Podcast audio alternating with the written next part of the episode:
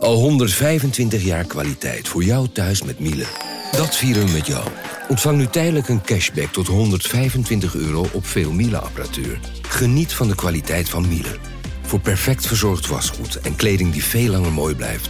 Voor een stralend schone vaat, even perfect als jouw diners. En een stofvrij thuis waarin echt hygiënisch schoon de standaard is. Check miele.nl voor alle feestelijke aanbiedingen.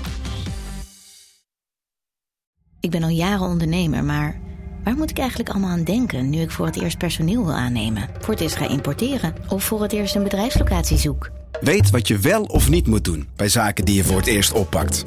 Check kvk.nl voor praktische stappenplannen. KVK, hou vast voor ondernemers. Vanaf de redactie van NRC het verhaal van vandaag. Mijn naam is Thomas Rup.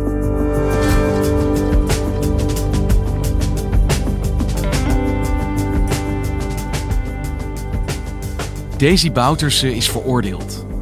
20 jaar cel heeft hij gekregen voor 15 moorden, die morgen door nabestaanden worden herdacht. Voor het eerst is er een vonnis, maar nog steeds is de Surinaamse president op vrije voeten. Dit is deel 2 van een tweeluik. Komt Daisy Bouterse alsnog weg met moord?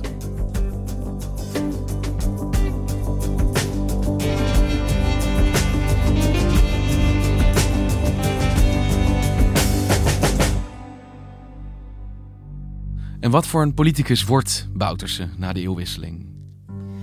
Bouterse heeft de Nationale Democratische Partij opgericht. En dat is eigenlijk voor Surinaamse begrippen de eerste multiculturele partij, kun je zeggen.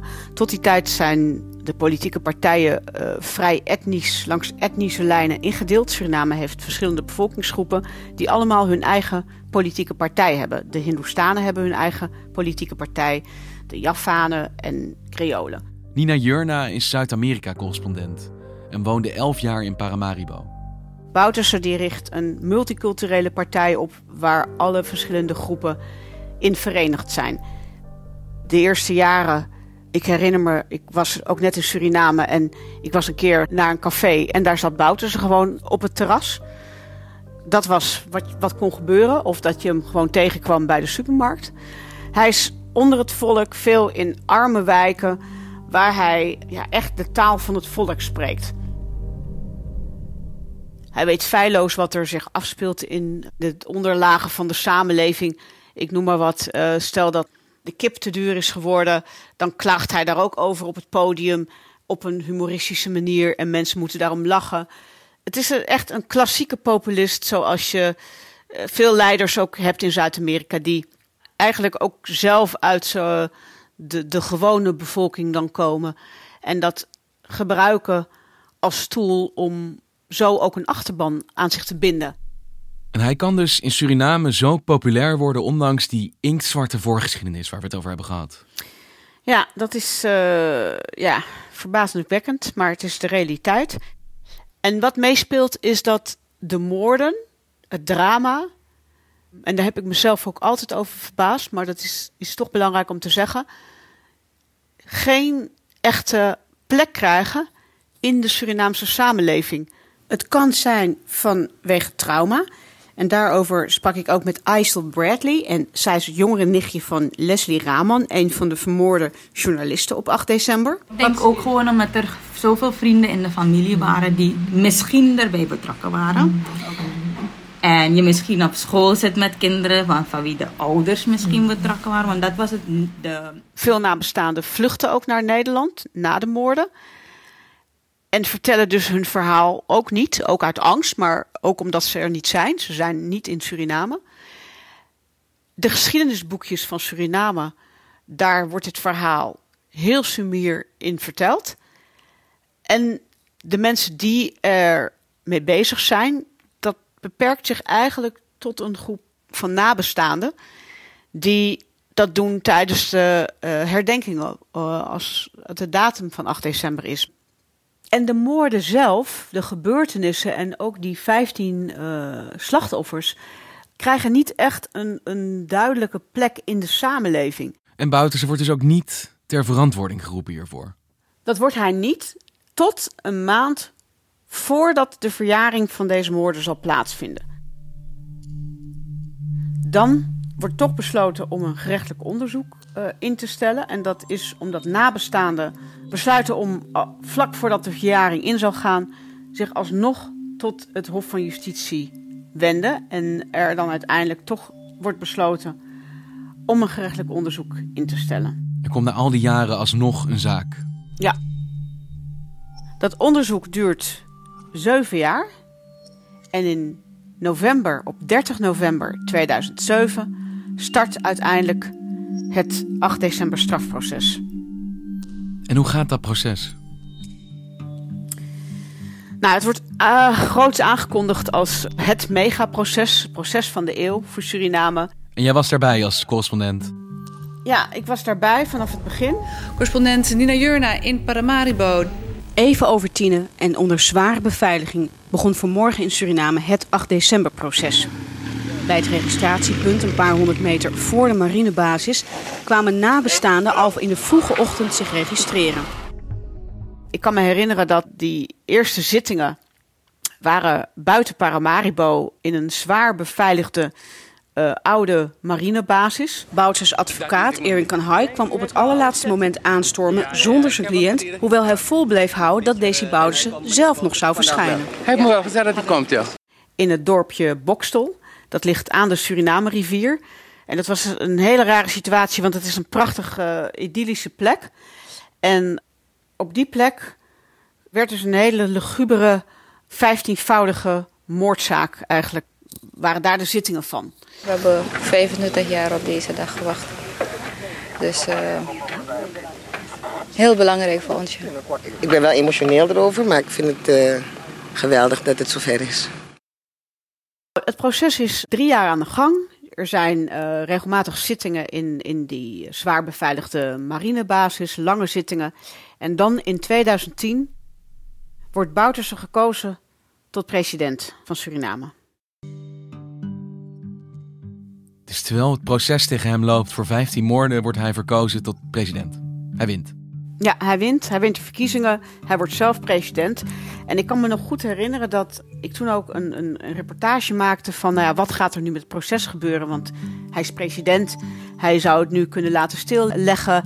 Hij kan van allerlei middelen aangrijpen om dit proces stop te zetten. Dat was toen eigenlijk al de gedachte dat dat zou gaan gebeuren. Dat gebeurt niet. Maar hij zal er wel alles aan doen uh, de daaropvolgende jaren om het proces uh, te stoppen, dan wel te vertragen. En op welke manier doet hij dat?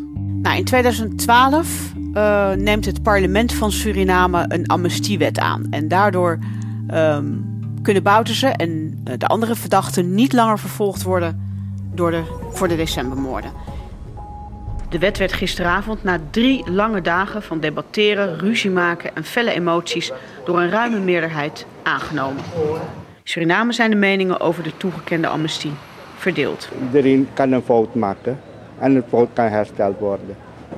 Ja. Vind je dat goed, amnestie? Ja, ik vind het goed, ja. Je merkt dat veel Surinamers het vertrouwen in de rechtsstaat verloren hebben. Want wat gebeurt er bijvoorbeeld met het strafproces? Volgende week zou er een zitting zijn waarbij de strafeis tegen Boutsen bekend zou worden gemaakt. Maar heeft het proces überhaupt nog zin als de hoofdverdachte toch niet gestraft kan worden? De komende weken zal dat blijken. Nina Jurna, RTL Nieuws, Paramaribo. Dus het gigantische overwinning voor Bouters. Hij wordt bij wet gevrijwaard van vervolging.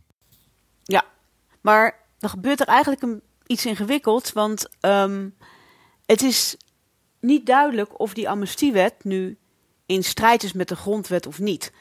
Daarvoor heb je namelijk een constitutioneel hof nodig om dat te toetsen of, of, dat, of dat in strijd is of niet. En Suriname heeft geen constitutioneel hof. Ja, en dan besluit de rechtbank van ja, wij weten het ook even niet. Dus we schorten het proces op. Dus hij heeft niet per se amnestie gekregen, maar hij krijgt wel wat hij wil. Het proces is voorbij. En dan? In 2015 uh, wordt Bouterse herkozen. Hij wordt opnieuw president. En in datzelfde jaar gaan de nabestaanden die dienen een klacht in bij het Hof van Justitie. Want zij vinden, wij hebben recht op dit proces en we hebben recht op een uitspraak. Dit proces moet doorgaan. Vervolgens, een jaar later, besluit de rechtbank: Nou, het heeft nu wel ontzettend lang geduurd. We gaan door met de zaak. Dat besluit de rechtbank. En de rechtszaak wordt hervat. Nou, dan raakt Bouterse uh, in paniek. En die roept het parlement in een uh, spoedvergadering bijeen. En zet dan in op de staatsveiligheid die in gevaar zou zijn, artikel 148. Na een paar weken rust werd het proces over de 8 decembermoorden vandaag hervat. Hij komt bijna altijd te laat op de zitting en heeft het 8 december dossier gewoon in een boodschappentas. Erwin Kanhai, advocaat van hoofdverdachte Daisy Boutersen. De rechters zijn uh, uitgelokt en uh, ze hebben in andere zaken beslissingen mee voordeel gegeven. Een spannende zittingsdag, want Kanhai heeft fel uitgehaald naar het Openbaar Ministerie. U heeft helemaal geen zaak, zei hij tegen de openbaar aanklager. En het doelt erop dat volgens hem de moorden allang verjaard zijn. Bovendien zou ook de dagvaarding van hoofdverdachte Desi Boutersen helemaal niet geldig zijn. Daarop staat geen uur en geen nummer en zou ook niet volgens de Surinaamse wet zijn gegaan. Hij uh, probeert op die manier het proces direct stop te zetten. In eerste instantie wordt het proces dan weer verdaagd. Maar uiteindelijk, ondanks al deze pogingen, zal uit, gaat, wordt er uiteindelijk toch besloten in 2017 dat de zaak doorgang vindt. En komt er zelfs in 2017 ook uiteindelijk een strafeis. En wat is die eis? De eis die uiteindelijk tegen Bouterse wordt uitgesproken is 20 jaar celstraf. En dat vonnis kwam dus afgelopen week. De Surinaamse president Bouterse is tot 20 jaar cel veroordeeld in het proces over de decembermoorden. De nabestaanden en hun advocaat zijn tevreden met het vonnis en ze willen dat Bouterse nu aftreedt. Wat in de samenleving reeds zoveel jaren bekend staat, is vandaag juridisch bevestigd en onderbouwd. We zijn bijzonder tevreden met de zorgvuldigheid die de rechter aan de dag heeft gelegd. De rechter zegt dat de gebeurtenissen uit 1982 nog steeds vandaag de dag invloed hebben op de Surinaamse maatschappij. En dat is precies de reden dat de nabestaanden ook vinden dat het vonnis een overwinning is voor de rechtsstaat Suriname. Maar Nina, dit zijn moorden uit 1982 en hij is aanvankelijk niet vervolgd. En na 20 jaar begint er dan eindelijk een proces. En dat duurt weer bijna 20 jaar voordat het überhaupt tot een veroordeling komt. En die is er dan nu. 20 jaar cel. Hij is schuldig. Maar jij beschrijft hoe hij in het land aankomt, feestelijk wordt onthaald en vooral niet opgepakt wordt. Hoe kan dat? Hoe kan je nou veroordeeld worden voor moorden, 20 jaar krijgen en vrij rondlopen? Ik denk dat het vooral ook komt omdat Bouterse nog steeds een grote achterban heeft die hem gelooft en ook uh, serieus neemt wat hij voor uh, uitleg geeft aan dit proces. En hij ziet dit dus niet als een eerlijk proces, maar als een politiek proces. En dat is wat zijn aanhangers ook geloven. En zien hem in hem niet een veroordeelde, maar eerder een martelaar. Een, een slachtoffer van een koloniale machten die ook nog in Suriname zelf hun steunpilaren hebben. Alles wat ik weet is dat hij terug is gekomen en dat dat goed is. Want ja, we hebben een president nodig en um, ja, we hadden zware tijden en zo. Maar ik vind hem toch wel goed hoor. Dat zeggen? Ja, ik ben een keiharde NDP. Mijn huis wat ik nu heb, heb ik van Bouterse gehad. Hij was nog geen president, hij was nog niet. Dus ik vind het gek, die mensen zijn ook al jaren overleden. Waarom gaat de zaak nu pas voor? Ja, die mensen zijn al weggegaan. De beer denkt, maar laten die mensen rusten. Laten hun ziel rusten. Ik ben het niet eens met die advocaten om te zeggen dat eisen zijn blij dat ze Bouterse hebben opgesloten. Ik ben het niet eens met niemand.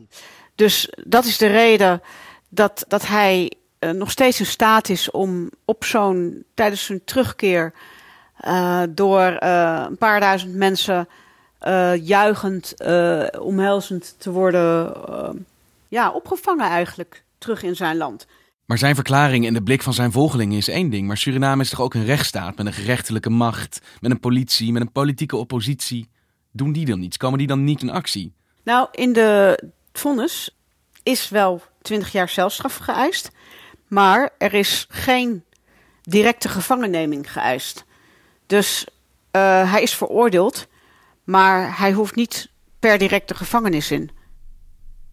Ik vermoed zelf, maar het is mijn persoonlijke idee, dat dit, dat dit vonnis er nu is om niet uh, ja, voor een enorme heftige overreactie hier, met alle gevolgen van dien. Suriname is door deze gebeurtenis, deze tragiek van die moorden, al een gespleten samenleving geworden. En dat is eigenlijk met dit vonnis, uh, merk ik nu ik hier ben, ook deze week, dat dat nog erger is. En met een directe gevangenneming zou dat zou het misschien hier wel kunnen escaleren. Ik heb het gevoel dat de krijgsraad hiermee wel een duidelijk statement en een duidelijk uh, uitspraak heeft gedaan, maar toch ergens ook voorzichtig is, omdat het een president betreft en ook gezien de Surinaamse samenleving. Dat is mijn persoonlijke idee. Wat niet wegneemt dat er echt wel uh, ja, je vraagtekens ook over kan stellen, hè, over zo'n vonnis. Dan de reactie van de voorzitter van het comité Herdenking Slachtoffer Suriname in Nederland. Die zegt dat hij opgelucht is. Ik was behoorlijk blij. Ja, want dit bewijst dat ondanks alles de rechtsstaat Suriname het heeft overleefd. Dat is belangrijk. Tegelijkertijd is het ook wel heel, ik zou zeggen, moedig en bijzonder dat een rechtbank van een land een zittende president veroordeelt. Hij zal altijd veroordeeld blijven. Het kan niet, dat kan niet meer teruggedraaid worden. Tenzij natuurlijk in een hoger beroep, maar op dit moment is hij een veroordeelde. Dus ja, en dat is, uh, is toch voor mensen die ik gesproken heb, ook nabestaanden, die hebben wel het gevoel van uh, er is recht gesproken en het, het recht heeft zijn beloop gehad. En dat is ook heel belangrijk. Dat Suriname laat zien van het is een, een rechtsstaat. En zondag is het weer 8 december. En dan is dus de jaarlijkse herdenking van de decembermoorden. Ik kan me indenken dat dit een uitzonderlijk beladen herdenking wordt. Ja, het zal beladen zijn, maar het zal ook ergens aanvoelen als een overwinning voor de nabestaanden dat zij daar nu staan bij die herdenking straks in het fort, want dat is ieder jaar in het fort. En dat zij voor hun geliefden die vermoord zijn op die plek in ieder geval doorgevochten hebben tot er een vonnis is. En dat is toch een overwinning. Waar ik blij voor ben, is dat de generatie van nu en mijn kinderen um, eigenlijk begrijpen dat maakt niet uit hoe lang daarna ja, ja, ja. je nog steeds je straf kan krijgen. En dat je daarom bij je keuzes bewust moet zijn ja. en de juiste keuzes moet maken in het leven. En je nooit en te nimmer het recht hebt eigenlijk om anders een leven te nemen.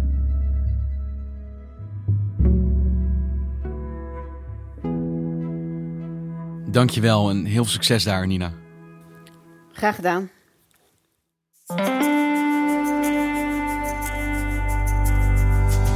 Luisterde naar vandaag, podcast van NRC.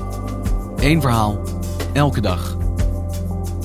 Vandaag wordt gemaakt door Mirjam van Zuidam, Henk Ruigrok van der Werven, Tessa Kolen, Ido Haviga, Julie Blusset, Jan Paul de Ruben Pest, Felicia Alberding en Jeppe van Kesteren. De muziek die je hoort is van Rufus van Baardwijk. Dit is vandaag, overmorgen weer.